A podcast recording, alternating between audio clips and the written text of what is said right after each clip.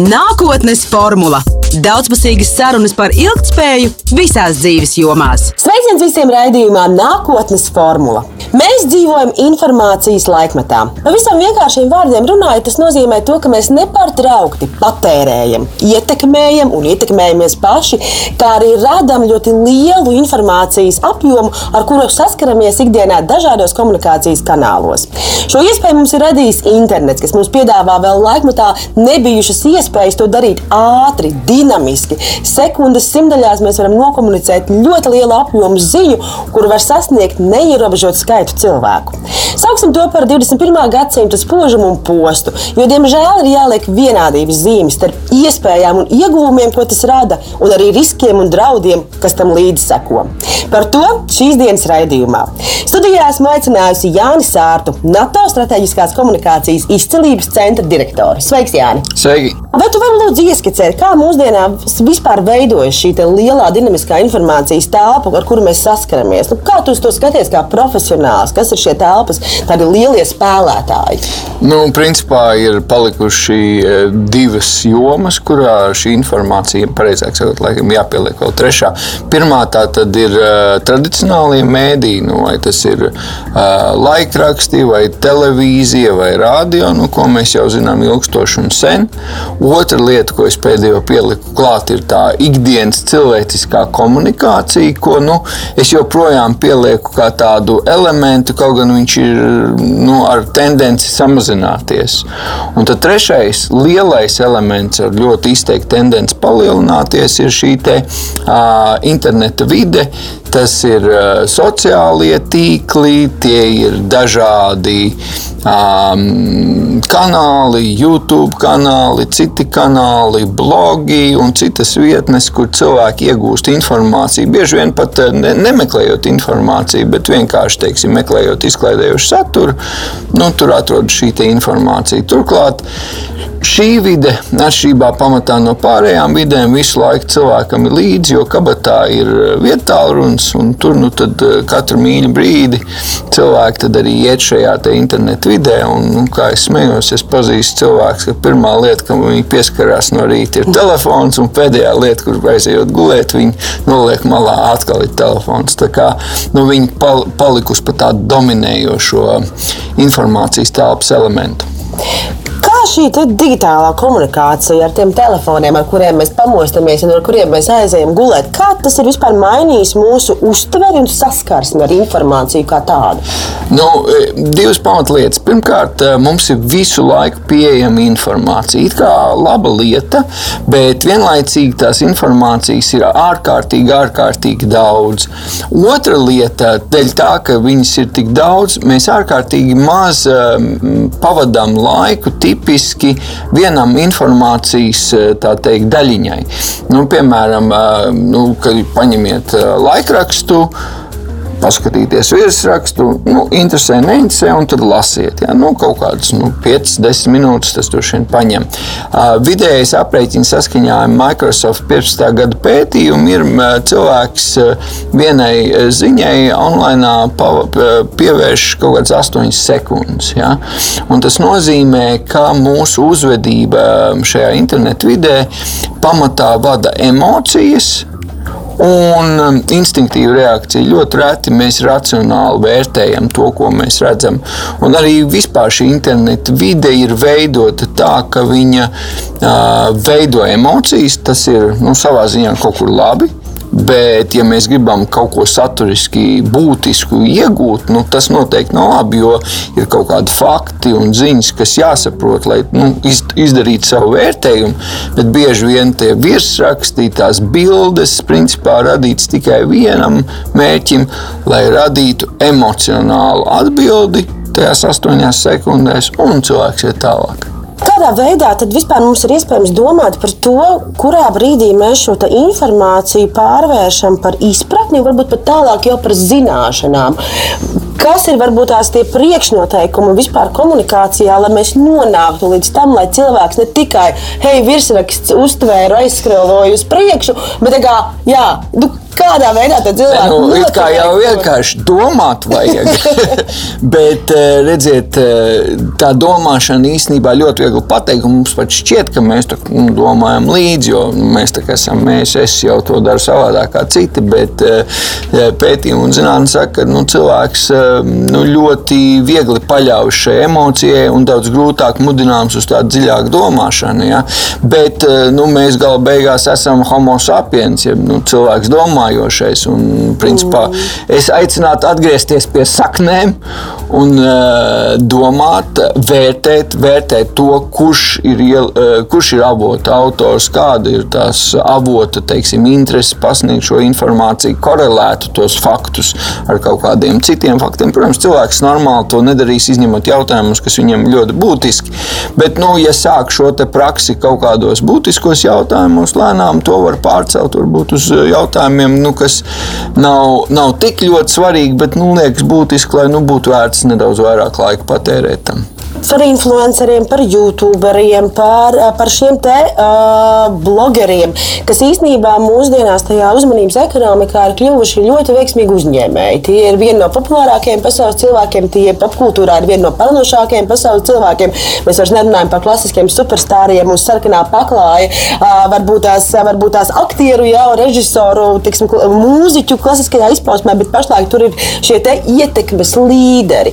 Uh, un mēs viņus saucam par ietekmes līderiem. Vai tu vari lūdzu ieskicēt, kāda tev ir tā sajūta, cik ļoti šie cilvēki, kas īstenībā nav nevienas jomas eksperti lielākoties, bet tiešām ietekmē sabiedrību? Vai tas ir kaut kāds tāds burbulis, kurš tūlīt pārsprāgs un vienkārši tas, tā mode beigsies, vai tas jau ir, teiksim, tā, tas ir nopietni? Nu, protams, šajā vidē mēs redzam, ka tehnoloģijas visu laiku mainās, un tās ir tehnoloģijas, kas paver kaut kādas durvis vai aizver tās durvis. Nu, šobrīd eh, šāda veida formāti ir uz, augšu ejoši, bet nu, es neteiktu, ka tas ir tas, kas par mums paliks teikt, līdz mūsu dzīves beigām. Es domāju, ka tas mainīsies kaut kādā mirklī, jo viņas ir atkarīgas ļoti no tehnoloģijām. Otra lieta, kas eh, šo influenceru eh, teiksim, popularitāti veicina, ir tas, ka cilvēkam šajā vidē vajadzīgs ir otrs cilvēks. Nu, kā teiksim, savā vidē, it īpaši jauniešiem, vienmēr ir kāds, nu, kas ir tā, tā tas, uz ko tāds nedaudz jaunāks cilvēks pavalkās. Ja? Nu, kas ir tas atskaites punkts. Vienkārši šajā internetu vidē nu, to var maksimāli paplašināt viens. Un otrs arī mēs redzam, ka šī te, uh, saucamo influenceru vide, tie sekotāji ir diezgan izteikti dalīti pa vecuma grupām. Tad šī jauno, jauniešu vecuma grupa. Nu, es domāju, tas pēc būtības, ja mēs paskatāmies, nav jauns fenomens. Ja? Vienkārši šī tehnoloģija viņu parad, padā, padarījusi savādāku ja? un uh, savā ziņā globalizējusi šo. Un kā rezultātā, protams, ir iespējas. Uh, to visu nu, teiksim, monetizēt, radīt biznesu no tā. Tas, kas manuprāt tur trūkst šajā visā sistēmā, ir kaut kādi noteikumi. Nu, lai nav tā, ka cilvēks, kuram ir pati, pa, patiesa un liela auditorija, nu, tiešām arī nu, būtu tāds atbildīgs pret šo auditoriju. Ja? Nu, šobrīd, principā, nu, var darīt, ko grib, ja, ja vien seko platformas noteikumiem. Un platformas, es jums teikšu, īpaši šos noteikumus tur nepārbaudu, vai kāds ievēro vai nē. Otra lieta, kur noteikumi, protams, trūkst, ir tas, vai šie cilvēki sākotnēji bijuši patiesi uh, influenceri vai nē. Nu, mēs pētām šo pelēko teikt, sociālo tīklu manipulācijas tirgu. It īpaši Instagrams ir ļoti viegli manipulējams, pērkot šos sekotājus, skatījumus un tā tālāk. Salīdzinoši lēti. Un, diemžēl nu, viens no lielākajiem patērētājiem šiem nelegāliem pakalpojumiem ir influenceri. Dažkārt esmu runājis ar daudziem jomu ekspertiem, un, un viņi, teiksim, tā, viņi negrib nolaisties līdz tam līmenim, ka viņiem ir jāsadarbojas ar kādu influenceri vai kādu youtuberi, lai nodotu savu vēstījumu vai savus, nezinu, jaunos zinātniskos atklājumus vai kaut, kādus, kaut kādas inovācijas vai kādus vērtīgus pētījumu datus plašākai sabiedrībai.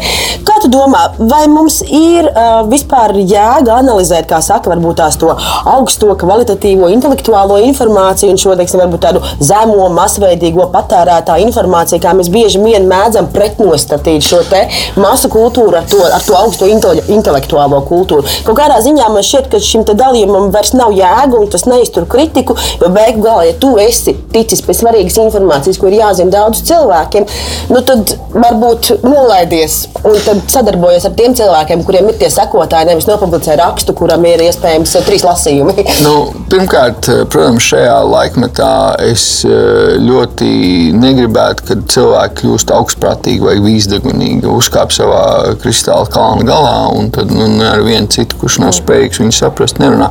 Tas, diemžēl, ir viena no problēmām šobrīd ar zinātni. Ja? Eh, ka zinātne sēž tajā savā kristāla kalnā, runā veidos un um, jēdzienos, kur lielai daļai sabiedrības grūti saprast. Līdz ar to zinātnīs klātbūtne tādā normālā sabiedrības diskursā sāk ar vien vājināties, kas īstenībā ļoti, ļoti slikti. Līdz ar to es aicinu nu, tomēr kāpt lejā no tiem kalniem un atrast veidus, kādā šajā uh, esošajā vidē komunicēt. Un uh, runāt par influenceriem, uh, nu, tur ir jābūt pirmkārt cilvēki mēdz iekrist divos grāvjos. Viens grāvis, tā teikt, nekādā gadījumā ar šiem cilvēkiem nerunāsim ar auditoriju. Otrs grāvs, ka nu, dai, ņemam influencerus un tikai tas uzreiz atrisinās problēmu. Principā pamat lietas pirmais, vai jūs gribat uzrunāt to auditoriju, kas šim influencerim ir? Otrkārt, vai tēma, kuru jūs gribat teikt, uzrunāt, ir salāgojumi ar šo influenceru, kādā veidā viņš strādā, mm. kādi ir iepriekšējie stāsti bijuši, kāds viņš ir kā personība. Ja? Jo ir bieži bijuši gadījumi, ka, ka kādas organizācijas nu, teikt, grib, lai influenceris kaut ko pastāst, un pirms pusgada uzrādās, ka šis pats cilvēks ir nu, pilnīgi pretējā virzienā, jeb kaut kādā citādā nesalāgojamā virzienā par to runājis, kas īstenībā nu, vēl vairāk pastiprina to mm. komunikatīvo problēma. Līdz ar to jāmeklē tādi saprātīgi veidi. Influenceris nav teikt ekvivalents uzreiz tikt pie jauniešu auditorijas un būt veiksmīgam, bet ir tēmas un jomas un attiecīgi influenceri, kas var būt liederīgi. Bet tas nu, nav tā pašsaprotami.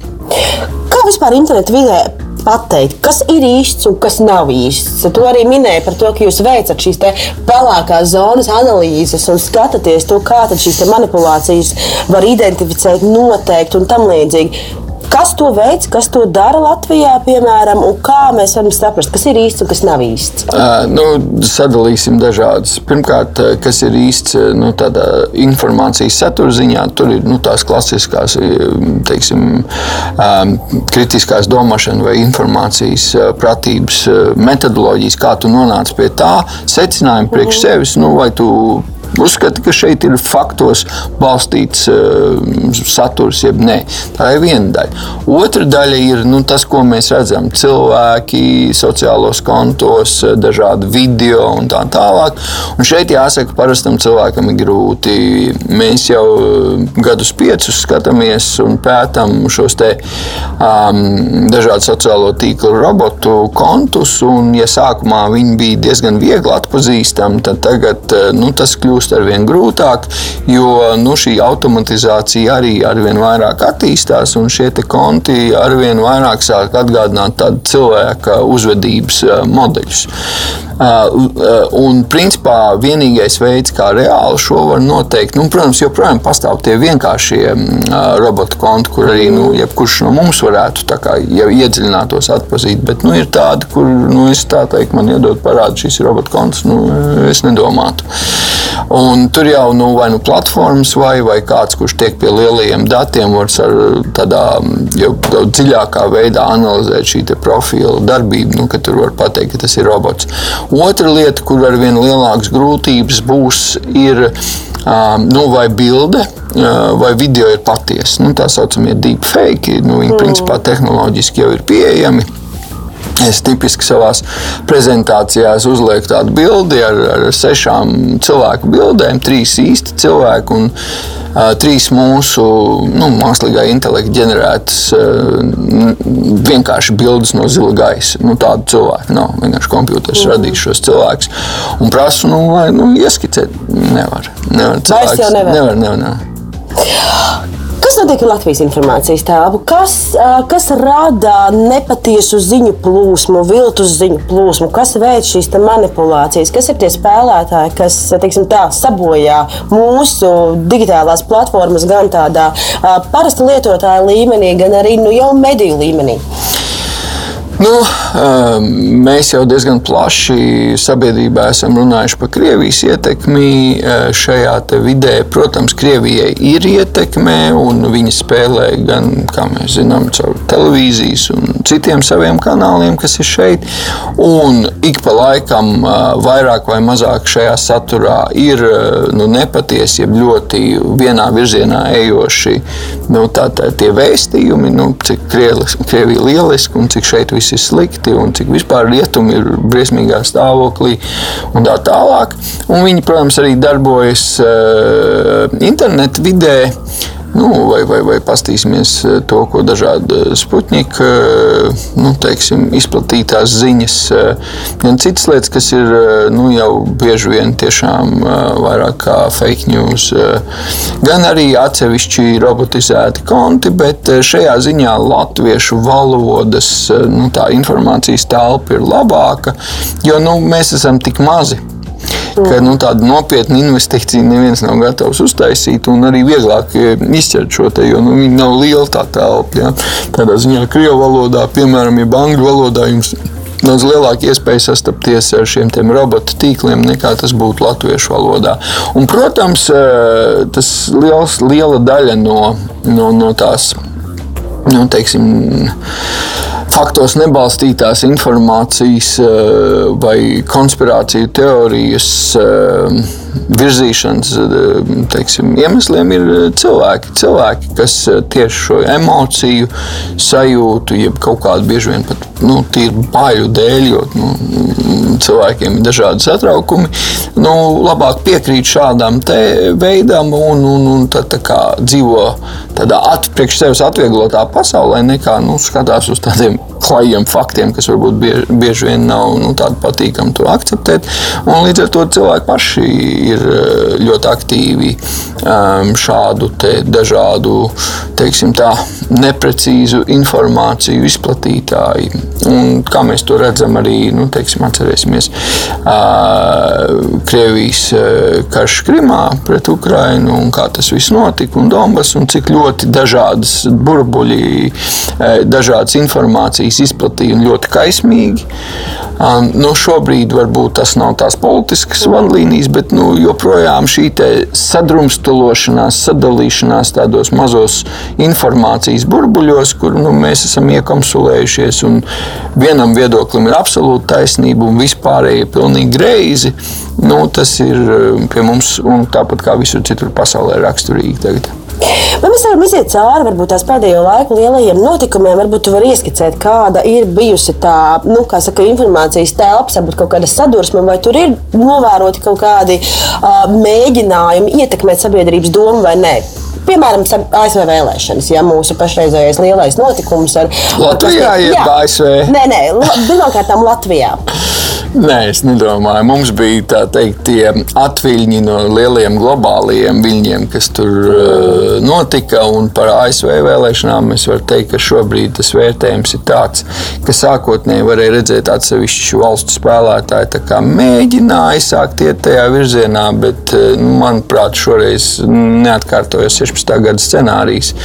Ir, um, nu, acīm redzam, ASV dienesti bija sagatavojušies šādam gadījumam. Un, nu, tādu ārēju uh, spēlētāju ietekmes maz redzēja, bet nu, mēs uh, tiešām redzējām šo iekšējo vidi, kurā ir ekstrēma polarizācija. Un, un tie divi viedokļi, nu, kas ir ASV, arī skaitā arī par vēlēšanām, šobrīd absolūti nespēj satikties. Ja, tie mm. pasaules priekšstati ļoti ekstrēmi.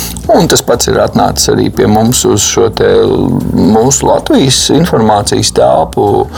Un, uh, nu, mēs redzam ļoti līdzīgu nu, atsauksmi. Tas, manuprāt, pasvītro tādu jaunu fenomenu, ka robežu nav informācijas telpā.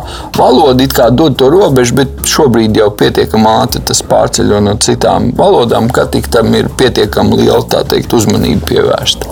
Vai šai ekstrēmajai sabiedrības polarizācijai kaut kādā ziņā uh, sociālajā medijā, teiksim, tā, vai ir pie vainas Jā. tam, ka dzimst un atzimst šīs radikālās idejas un kaut ir, kādā veidā ir, ir. cilvēki izjūt liekas, to spēku aiz muguras, ka es tāds neesmu viens, un tāpēc es tagad atļaušos pateikt skaļi, ja, ko es domāju par citas rases cilvēkiem, ko es domāju par citas etniskās piedarības cilvēkiem vai par savu kaimiņu valsti. Jā, noteikti. Jo, nu, principā, nu, kas ir sociālo mēdīju? Ja? Nu, mēs, kas ir veids, nu, kā viņi taisa visu baigos divus miljardus principā, ienākumos, un mēs viņus patērējam būtībā pavelti. Ja? Kāpēc? Tāpēc, ka mēs esam produkts, kas tiek pārdots. Ja? Mūsu uzmanība, mūsu laiks, ko mēs pavadām, tiek pārdots tālāk reklāmdevējiem. Tas ir nu, pirmais, kas mums jāsaprot. Otrais, līdz ar to platformai jāatrod veids, kā mūs paturēt maksimāli ilgi sēžot šajās platformās jo tas būs viņiem ar vien lielāks ieņēmums. Līdz ar to, nu, kas cilvēku uztur tajā platformā, viņu uztur, nu, ka viņš ieiet un viņš redz to, ko, nu, kas viņu uzrunā, ka pasaule atbilst viņa priekšstatiem. Un uh, ar, nu, ir pietiekami daudz uh, dažādu pētījumu, bijuši, kur redzēt, ja cil, nu, tie algoritmi, kas strādājuši nu, teiksim, aizmugurē šiem sociālajiem mēdījiem, ļoti viegli uzķer dažādu cilvēku par, paradumus, uzvedības, uh, teiksim, priekšstatus un sāk barot ar vien vairāk un vairāk to, to pašu, ko cilvēks nu, jau redz un uzskata, jo viņi zina, ka tas liks viņam pavadīt ar vien ilgāku laiku. Un maksimāli emocionāli, maksimāli instinktīvi, jo tie rada tā teikt atsaucību. Ja. Un šādā veidā, principā, pilnīgi citu iemeslu dēļ, cilvēki ar vien dziļāk un dziļāk nokļūst tā saucamajos burbuļos, kurās viņi redz ļoti izteikti viena veida informāciju Un eh, teiksim, vispārējā informācija nāk caur šo prizmu. Nu, tā kā jau nevis tur redz tā tikai tīri, bet jau ar savu tā teikt filtriņu. filtriņu jā, tieši tā. Un uh, tas vienkārši sazobo, sazobē ar to, kā mūsu smadzenes strādā. Vienkārši mūs iedzen tajos ļoti ekstrēmajos viedokļos, ar vien dziļāk, un uh, spēja sarunāties caur tiem burbuļiem pamatā pazūd. Ja? Kas interesanti, bieži vien nu, tādā normālā sarunā, kad pieliek cilvēku pretīm, tad eh, mēs sākam mainīt šo viedokli, jo mums arī ir iebūvēts smadzenēs, ka nu, mēs viens otru nenogalinātu, iznākot nu, tādā konfliktā, ar, nu, tādā konflikta situācijā ar otru cilvēku, kur mēs redzam un sajūtam. Uh, pirmā reakcija tomēr mēģināt nu, neaiziet uz pilnu. Mm. Kad mēs skatāmies savā ierīcē vai datorā, nu, šo bloku nav. Un līdz ar to iet pilnā apjomā tāda agresija, tāda pretstāvēšana bez jebkādiem tādiem.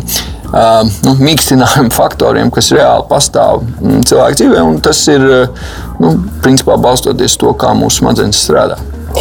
Baltkrievija. Mūsu lielākā saka, kaimiņu valsts un ļoti, ļoti būtiskie un īstenībā man šie diezgan satraucošie notikumi, kas notiek burtiski dažus simtus kilometru aiz mūsu saka, valsts robežām. Izstāstiet, lūdzu, kā tas ir atspoguļots mūsu mediju telpā, kas notiek komunikācijā saistībā ar šo tēmu? Nu, tātad, protams, Latvijas, latviešu valodā runājošo telpā mēs redzam, ka ļoti izteiktu vienu virzienu par to, ka ir jāatbalsta Baltkrievijas tautas centieni pēc brīvām, normālām vēlēšanām, pēc iespējas noteikt savu nākotni. Savukārt mēs redzam, ka Krievijas valodas telpā ir savukārt šķelšanās, man liekas, lielāka. Ja? Tur ir viena daļa no vidas, kas, nu, teiksim, principā Krievijas mēdī dominantē ejošās, kas vairāk saka, ka viss ir kārtībā, tie ir kaut kādi. Uh, rietumu aģenti, kas tagad tur uzkurina situāciju Baltkrievijā.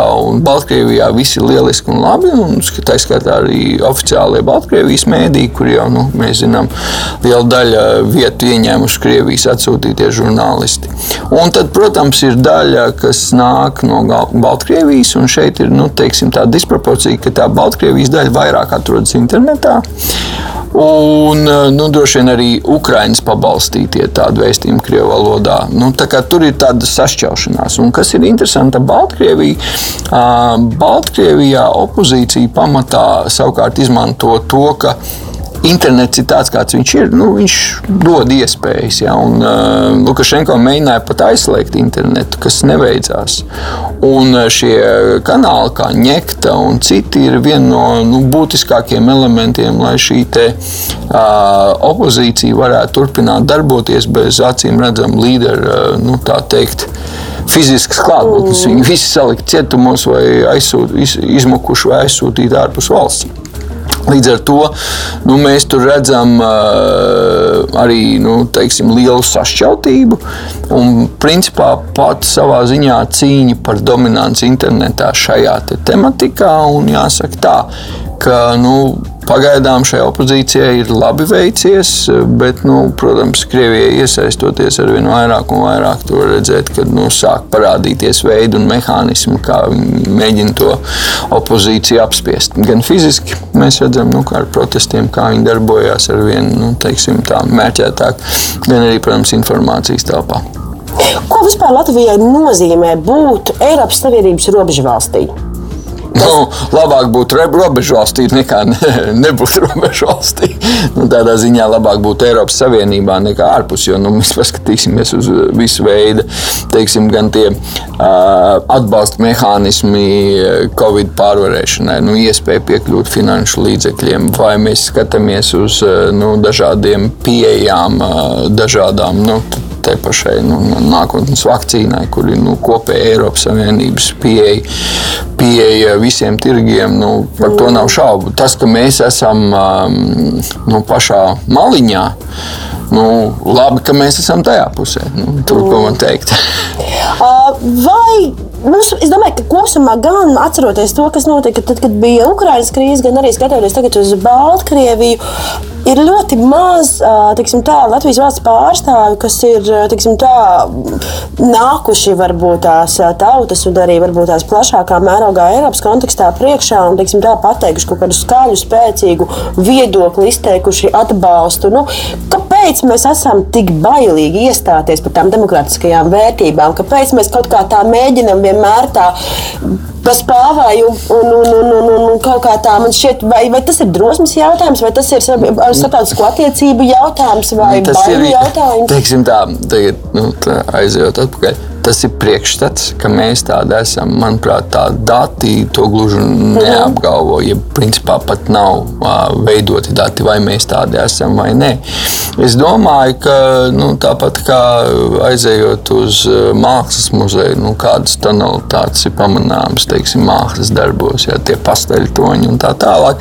Mēs kā cilvēki šeit dzīvojošie esam nu, tādi daudz emocionāli nu, mērenāki, mierīgāki. Ja, un, Un ir, ir, ir citi, kas daudz nu, teiksim, attraktīvāk to dara. Nu, ne, neteiksim attraktīvāk, bet uh, spilgtāk.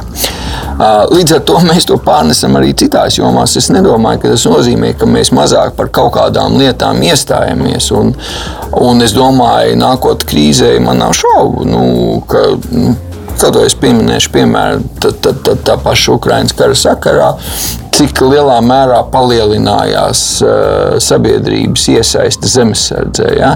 Nu, varbūt cilvēki nebļāva, viņi darīja. Līdz ar to nu, es to, ka tas tā mm, vizuāli nav spilgti redzams, es to nenorakstītu. Varbūt cilvēki dara tieši to, kas ir vajadzīgs, bez skaļas bļaušanas.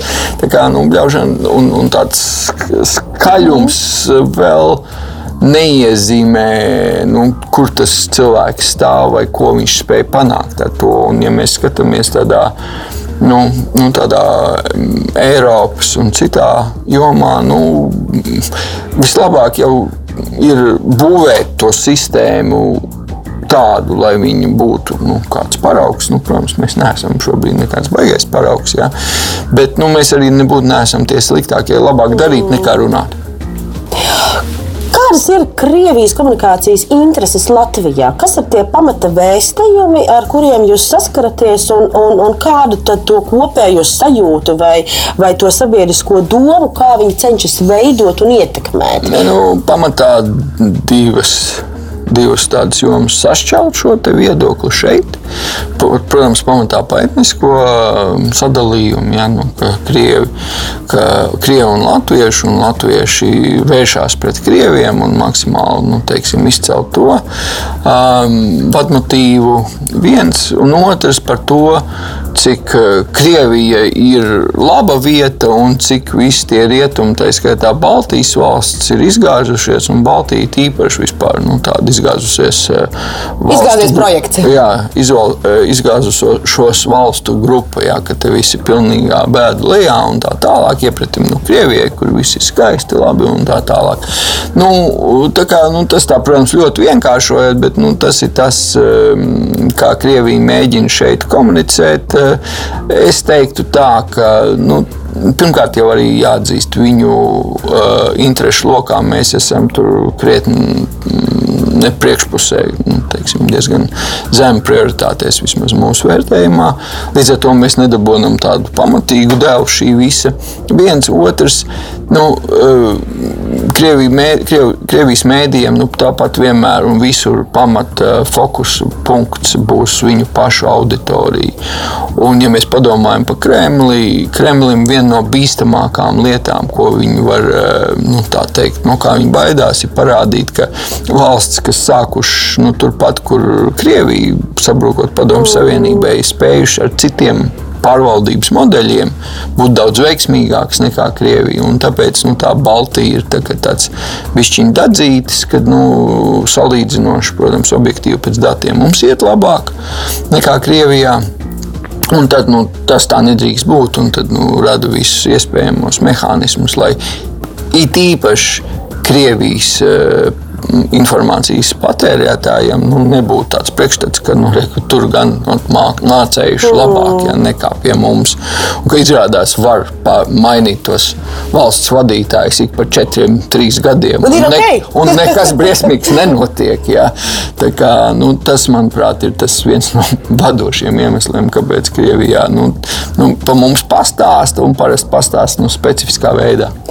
Vai skatoties uz statistikas datiem? Datiem Latvijā, vai ir redzams, ka šīs komunicētās idejas ir atstājušas robus mūsu nezinu, uzticībā valsts pārvaldē vai mūsu nezinu, mīlestībā pret demokrātiju un Eiropas Savienību, ja? vai šīm kaut kādām pamata lietām? Kā tev šķiet? Vai tas atspoguļo to, ka šīs ziņas sasniedz savu auditoriju, kaut kādā mērā tomēr ir kaut kas jā, jā, nu, protams, ka ir uh, sasnieguši auditoriju, bet tur ar, arī jāsegmentē pa kādām tēmām. Ja?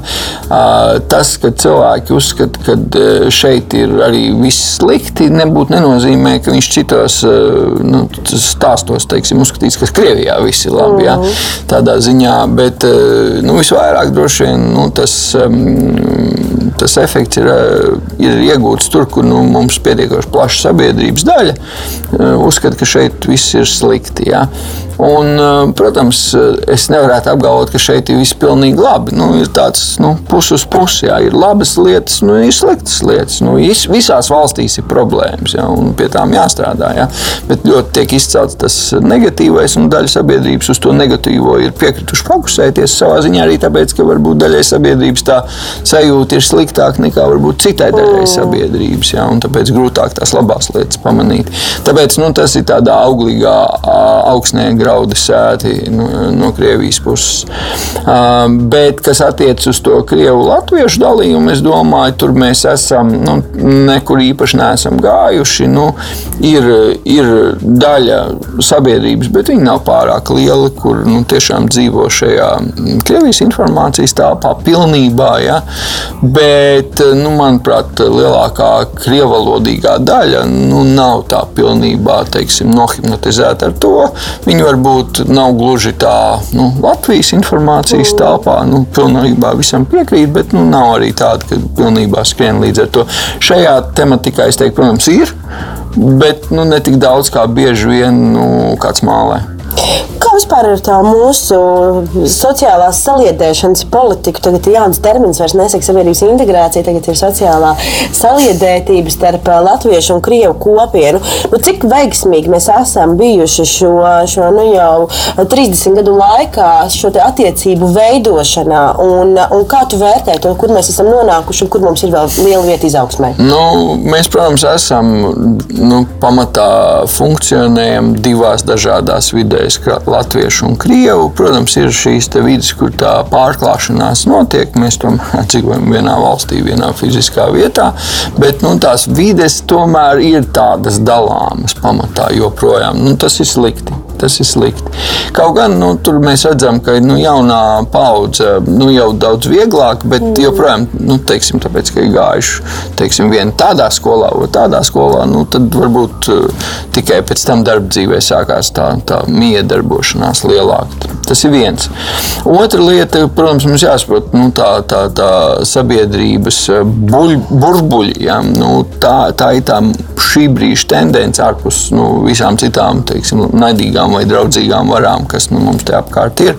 Un, protams, saliedēt mirklī, kad nu, tie kopējie globālie spēki rauj tos burbuļus atsevišķi, nu, ir ārkārtīgi grūti. Mēs kā um, nu, teiksim, tā, aicināt izvairīties no tā, ka mēģinot kaut ko domāt par latviešu krievu tematiku tikai, ja mēs palaidām garām, ka tie burbuļi ja, tik, tik ļoti, ka gan vienā, gan latviešu, gan krievu uh, ietvaros jau, jau rodās ļoti nu, nesamierināmi viedokļi un ārkārtīgi pretēji, kas nevar nu, sanākt kopā uz kaut kādām lietām.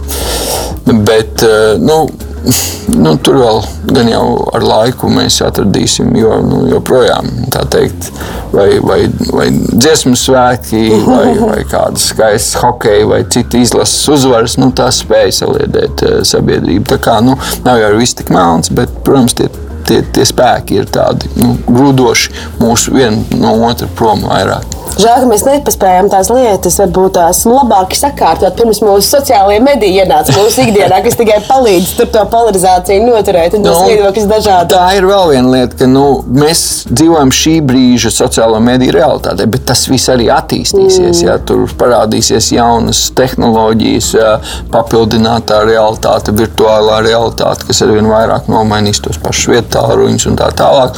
Un mēs jau būsim jau pilnīgi jaunā ciklā, kur mēs pat īsti šo šobrīd nevaram paredzēt, kādā veidā tas ietekmēs. Tā paša mākslīgā intelekta spēcīgāka attīstība, nu, es domāju, dos lielu vērojumu jaunu dinamiku šajā visā, teiksim, arī cilvēku miedarbībā, kā informācija plūst un tā tālāk. Līdz ar to, nu, Mēs šobrīd mēģinām tikt galā ar to, kas ir tagad, bet būs savādāk. Un, un būs krietni savādāk, bet kā mēs līdz galam neviens nevar pateikt. Problēma ir tā, ka tā pasaule tādā tempā iet uz priekšu, ka mēs nepaspējam atrisināt vecās problēmas, kamēr jau ir pilnīgi cita realitāte. Nu? Un tā ir viena daļa no problēmas, kāpēc mēs jūtam šo te, nu, cilvēku neapmierinātību. Jo nu, kamēr tu esi jauns, pamatā tas ir izglītības problēma, tu tiec tam visam mm. līdzi viens un otrs, tu proti atrast veids, kā no tā iegūt. Bet ar vien lielāku cilvēku daļa nu, vairs nespēja tikt līdzi, kur tu tam izsekos. Turklāt nu, mm. šādas konstantas izmaiņas nu, cilvēks vēsturē nekad nav bijušas. Ja? Nu, mēs tādu neesam būvēti. Tāpēc cilvēki jūtas nu, tādi nesaprotoši, neapmierināti ar to. Viņiem gribas tā kā, nu, kā nu, bija pēc desmit gadiem, viss vienkārši saprotam. Nu, kā, tas rada daļu no tās frustrācijas, ko mēs redzam redzam, un arī, protams, šie cilvēki arī mēdz nespēt pielāgoties šīm arī ekonomiskām jaunām realitātēm, kas vēl rada to papildus to, to spriedzi. Kas pašlaik notiek mūsu, tā varētu teikt, spēcīgākajā kopienā, ka mēs esam pievienojušies, proti, Eiropas Savienība? Kas ir Eiropas Savienības, ja varētu teikt, tā stiprās puses, un kas savukārt ir tās vājās puses, arī zinot to, ka nu, kādi notikumi Polijā, ja Ungārijā pirms kāda laika ar sāsinājumiem, tā pašā laikā arī sarežģīta situācija arī Austrijā. Nu, Mēs dzirdam, ka kaut kas mainās, plūst vēl kaut kā. Kā tu vērtē, kas kopumā notiek Eiropas Savienībā, kā nu jau 27 valstu apvienībā? 30. 30. Ne 27, piedodies, ar vienu NATO sajaucu. Jā, NATO ar vīzu. Mēs bijām 28, tad to es zināju, un tagad jā. mums bija nosvinējām Jā, Brexitu, un, un tagad esam palikuši. NATO joprojām 27. tikai aug. um, tā, nu, pirmkārt, eh, pirmā lieta, ko es teiktu, nu, ko mēs tikko runājam, pasaule strauji mainās, mm. viss kaut kas, eh, dažādas eh, lietas, tehnoloģijas un cits eh, izmaina to, kā mēs redzam gan realitāti, gan arī kā ekonomika attīstās. Un šajā ziņā es teiktu, nu, būt Eiropā ir labāk, jo Nu, tieši tā mēs skatāmies pieeja finansēm, jā, pieeja kaut kādiem fondiem, pieeja kaut kādiem tehnoloģiski attīstības fondiem, nu, ko mēs kā Latvija droši vien nekad nespētu tādā apjomā realizēt. Jā.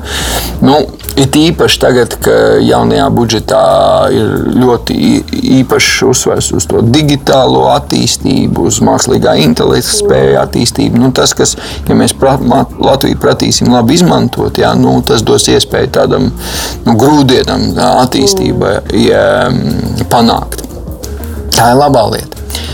No otras puses, 27 valstis. 27 birokrātijas un pa virsmu vēl viena nu, teiksim, Eiropas birokrātija. Protams, tie procesi ir ārkārtīgi ilgi. Un uh, bieži vien nu, tas, ko mums vajag Latvijā, vai to, ko vajag Portugālē, nu, gluži nesakrīt. Līdz ar to jāmeklē kompromiss. Tad nu, viņi tad, kur, nu, tur trāpās pa vidu, vai pat uz vienu pusi, vai uz otru pusi.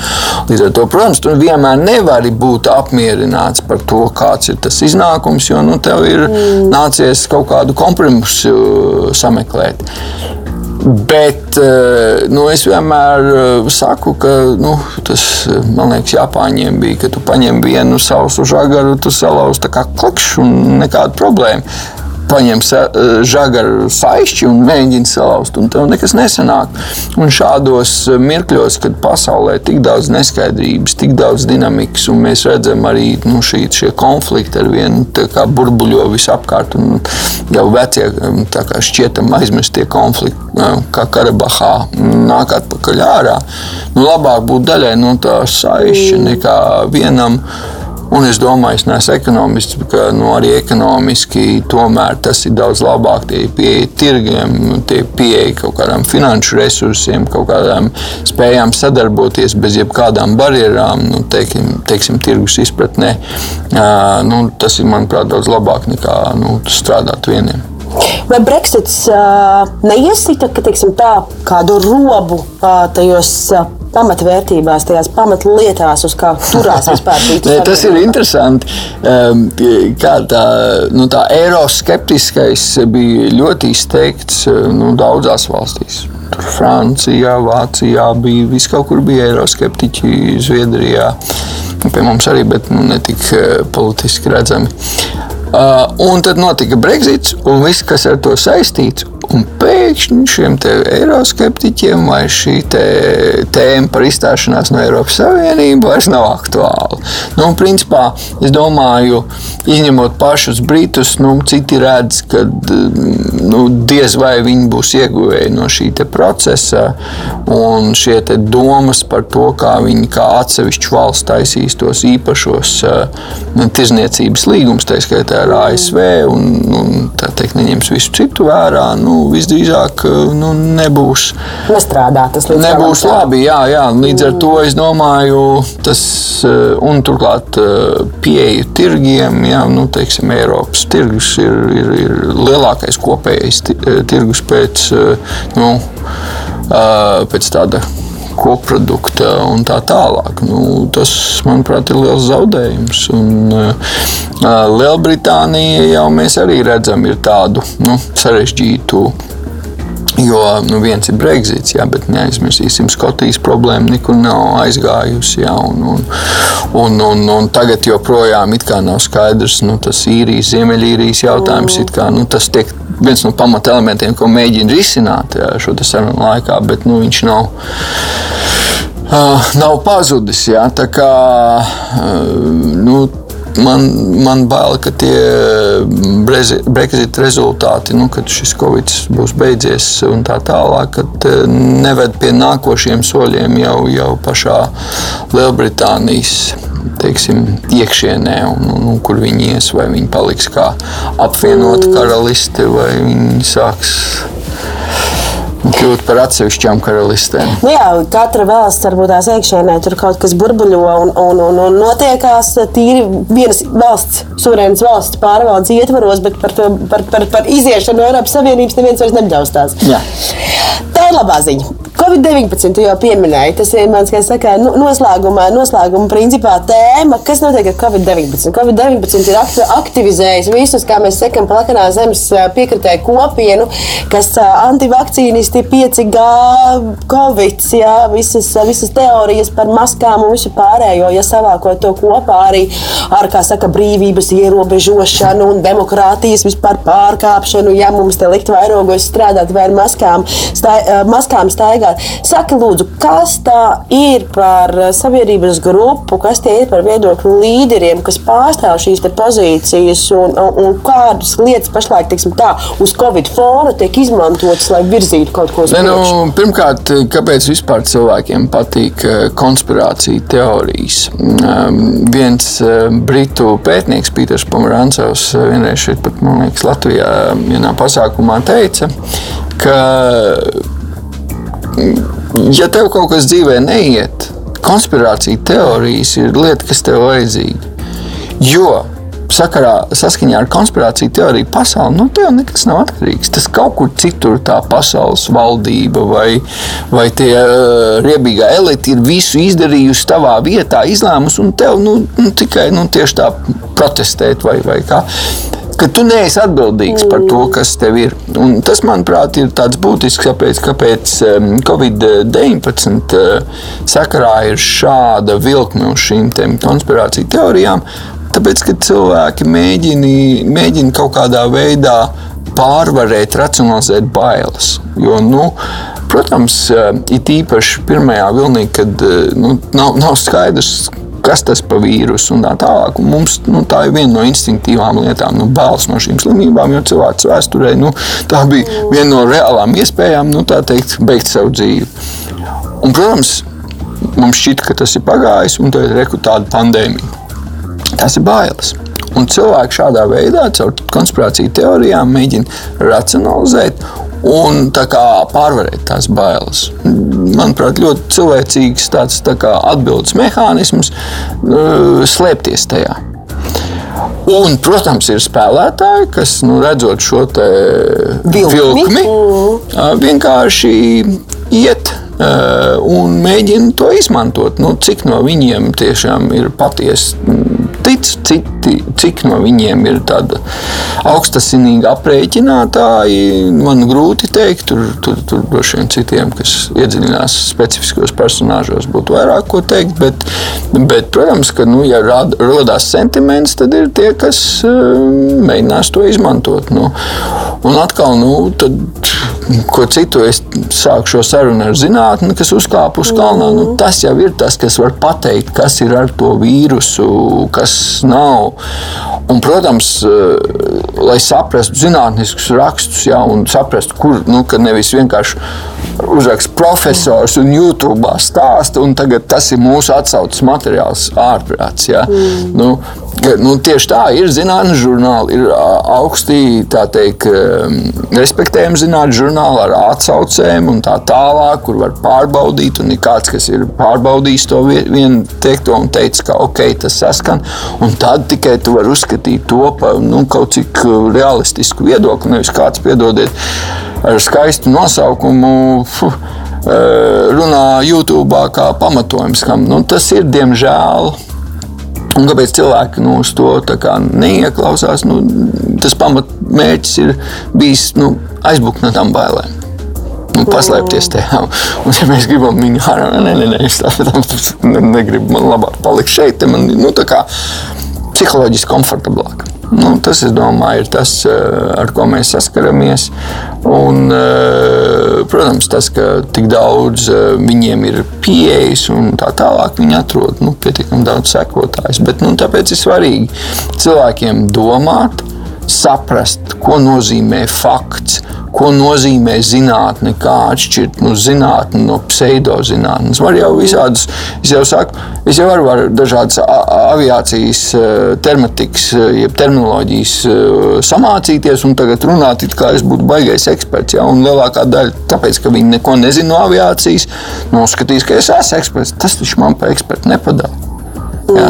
Un jāspēj šos te visus atšķirt. Nu, pie konspirāciju teori, teorijām mēs daudz redzam tādas, kas termiņus samācījušies. Ja? Un tad nu, mētājās ar tiem, bet tikko tu viņos iedziļinies, tu redz, ka tur nu, tādas vienkāršas lietas kā loģikas nav. Mm.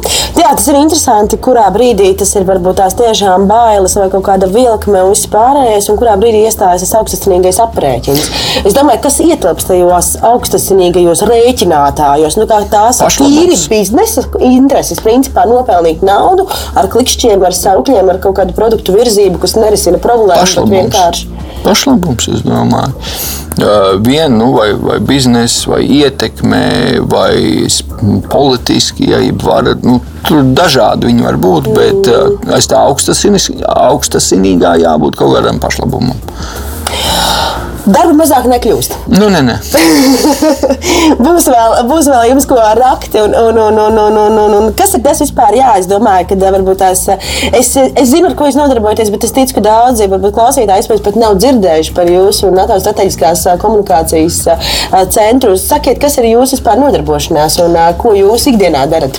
Nu, principā mēs pēt, pētām informācijas telpu un kādā veidā informācijas telpa var tikt izmantot ļaunprātīgiem nolūkiem, un kādā veidā cilvēki, valstis, tā skaitā organizācijas kā NATO vai Eiropas Savienība, var pasargāt šo sevi un, un, un cilvēkus un iedzīvotājus un telpu no, no šāda veida, informatīvo telpu no šāda veida nu, teiksim, ļaunprātīgiem izmantojumiem. Un, Liela daļa no darba mums skatīties, ko dara dažādi nu, teiksim, ļaunprātīgi spēlētāji. Vai tā ir Krievija, vai tā ir Ķīna, vai Irāna vai arī skatīties nu, tos procesus, kādi notiek eh, sabiedrības iekšienē. Jo nevienmēr, kā mēs runājam, kaut kas nāk slikts no ārpuses. Bieži vien mēs paši um, dažādas eh, tādas uh, sliktas lietas darām informācijas telpā, un visbeidzot mēs pētām tehnoloģijas. Ja? Nu, jo tehnoloģijas ir tas lielais izmaiņu faktors, kāpēc šodienas informācijas telpa mums uh, jūtās un šķietās savādāka nekā mēs viņu atceramies pirms gadiem, desmit. Tas ir tehnoloģijas. Un tehnoloģijas lēnākas nepaliks, viņas paliks tikai ātrākas un ar vien lielākas izmaiņas. Un, un tas vēl vairāk to ietekmēs, to šo vidi. Un, uh, Un tāpēc es, nu, mēs to visu pētām, mēģinām analizēt, uz, uzķert gan kur tagad esošās problēmas ir, gan tur, kur viņas varētu būt nākotnē. Kāds ir jūsu pēdējais, pēdējais jā, šis, šis būs mans pēdējais tematiskais jautājums par kiberkaru un par to, kurā brīdī mēs varam par to vispār runāt, vai mēs esam bijuši tam tuvu, vai mēs esam pieredzējuši varbūt kādu fāzi no tā, jo man liekas, ka tā ir tēma, kas arī galīgi nav saprast vispār, ko tas nozīmē. Un, kā, nu, bieži vien mēs par to kaut kur riņķī apkārt dzirdam, dažkārt saka, ka mums jau tas notiek un ka viss tas, ko mēs jau šeit pārunājam, tā ir daļa no tā visa. Kā ir ar šo jautājumu? Nu, tur tagad, jo joprojām ir dažādi priekšstati, kas ir kiberkarš. Ja. Teiksim, tā rietumos šobrīd to uzskata nu, teiksim, ierīču vai programmu nu, teiksim, spēju darboties vai mēģinājumu pārtraukt to darboties. Un, kā, ļoti daudz no tā, ko mēs saņemam, vai elektrība vai, vai citi pakalpojumi, ir balstīti šajās sistēmās. Nu, tādu pakalpojumu pārtraukšana var tiek uzskatīts par nu, mērķiecīgu pārtraukšanu caur kiberuzbrukumu, tiek uzskatīts nu, tā, tā, tā kā par kiberkara elementu. Bet um, daudz kur arī uzskata, ka kiberkarš ir arī uh, caur šo digitālo vidi mēģinājumu ietekmēt cilvēka prātu un viņas rīcības. Ja? Un, nu, tas ir tāds plašāks kiberkara jēdziens. Nu, principā, vai piekrīt vienam vai otram jēdzienam, var teikt, tāds konflikts ir pastāvīgs. Jā, tā, piemēram, runājot par uh, kiberuzbrukumiem Latvijā, nu, viņi ir konstanta lieta. Jā.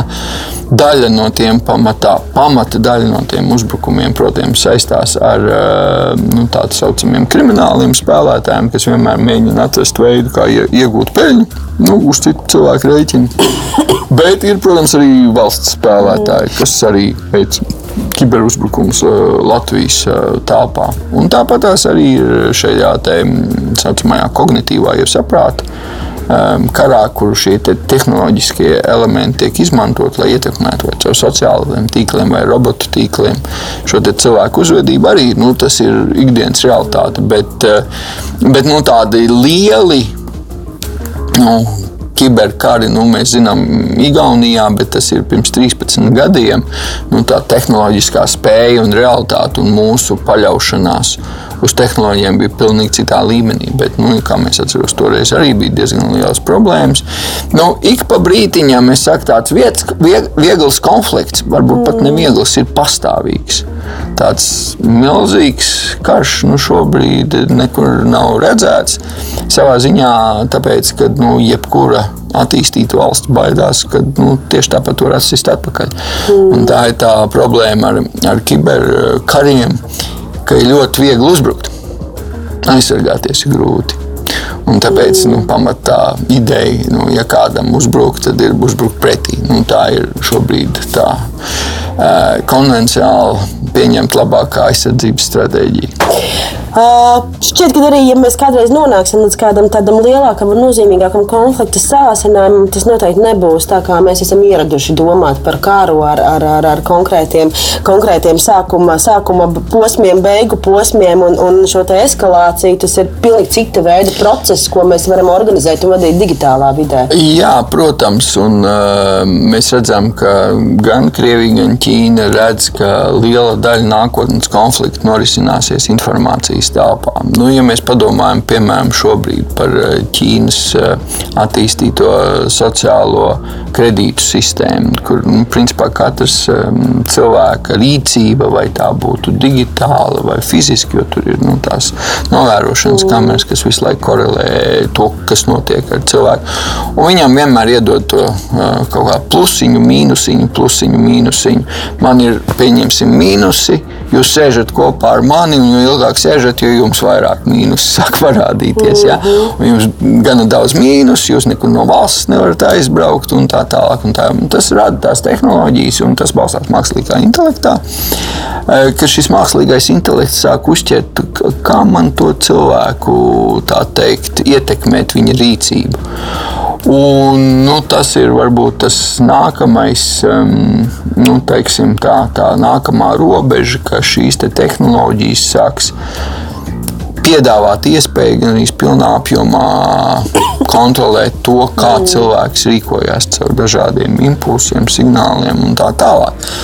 Un, eh, nu, tā, tā, tā būs tā jaunā realitāte, kurā nu, mums būs jāatrod veids, kā saglabāt savu pašu prātu un esību un savu pašu brīvo izvēli kas eh, nu, jau šobrīd ir tā nevisai vienkārši saglabājama. Droši vien arī uh, esat dzirdējuši stāstu par to, ka cilvēks saka, mani noklausās. Mm -hmm. Es te runāju ar kādu, kur es taisos tur braukt vai ko darīt, un neko, neko nebiju meklējis un darījis. Ja, un es skatos reklāmu, ja, nu, mani noklausās. Ja, nu, cilvēki nesaprot, ka jau šobrīd mākslīgais intelekts balstoties uz lieliem datiem un korelācijām, lielā daļā var jau prognozēt šo jūsu nākamo soli. Ja? Protams, tas, kamēr tas ir mārketingā, nu, labi, jā, bet nu, tas jau var iet arī nu, citos virzienos. Jā, diemžēl ir pietiekami daudz jaudīgi, naudīgi spēlētāji, kas iegūda ļoti daudz savu naudu un resursus, lai šos jautājumus pētītu. Un, diemžēl nebūtu tiem labākiem nolūkiem. Nu, ko es gribētu pasvītrot, tehnoloģija jau nav pie vainas. Mm. Te jau ir tie cilvēki, kas aiz tehnoloģijas. Tehnoloģiju var izmantot lieliskiem, labiem mērķiem, un tikpat labi viņi var izmantot sliktiem mērķiem. Jā. Noslēdzot mūsu sarunu, teiksim, tā uz pozitīvas nots, mēs esam valsts svētku gaisotnē. Mums, kā saka, Latvijas diena un 18. Novembris. Kāds būtu tavs, varbūt, nezinu, vēlējums, varbūt tās ieteikums vai aicinājums sabiedrībai kā tādai? Nu, kā mums saglabāt šo veselo saprātu, kā mums noturēt savu brīvību un savu demokrātisko valsti, kurā mēs dzīvojam? Ko mēs kā sabiedrība varam darīt, iesaistīties un palīdzēt šiem procesiem notikt veiksmīgāk un pārliecinātāk? Nu, pirmkārt, eh, nepavadīt pārāk daudz laika šajās ierīcēs.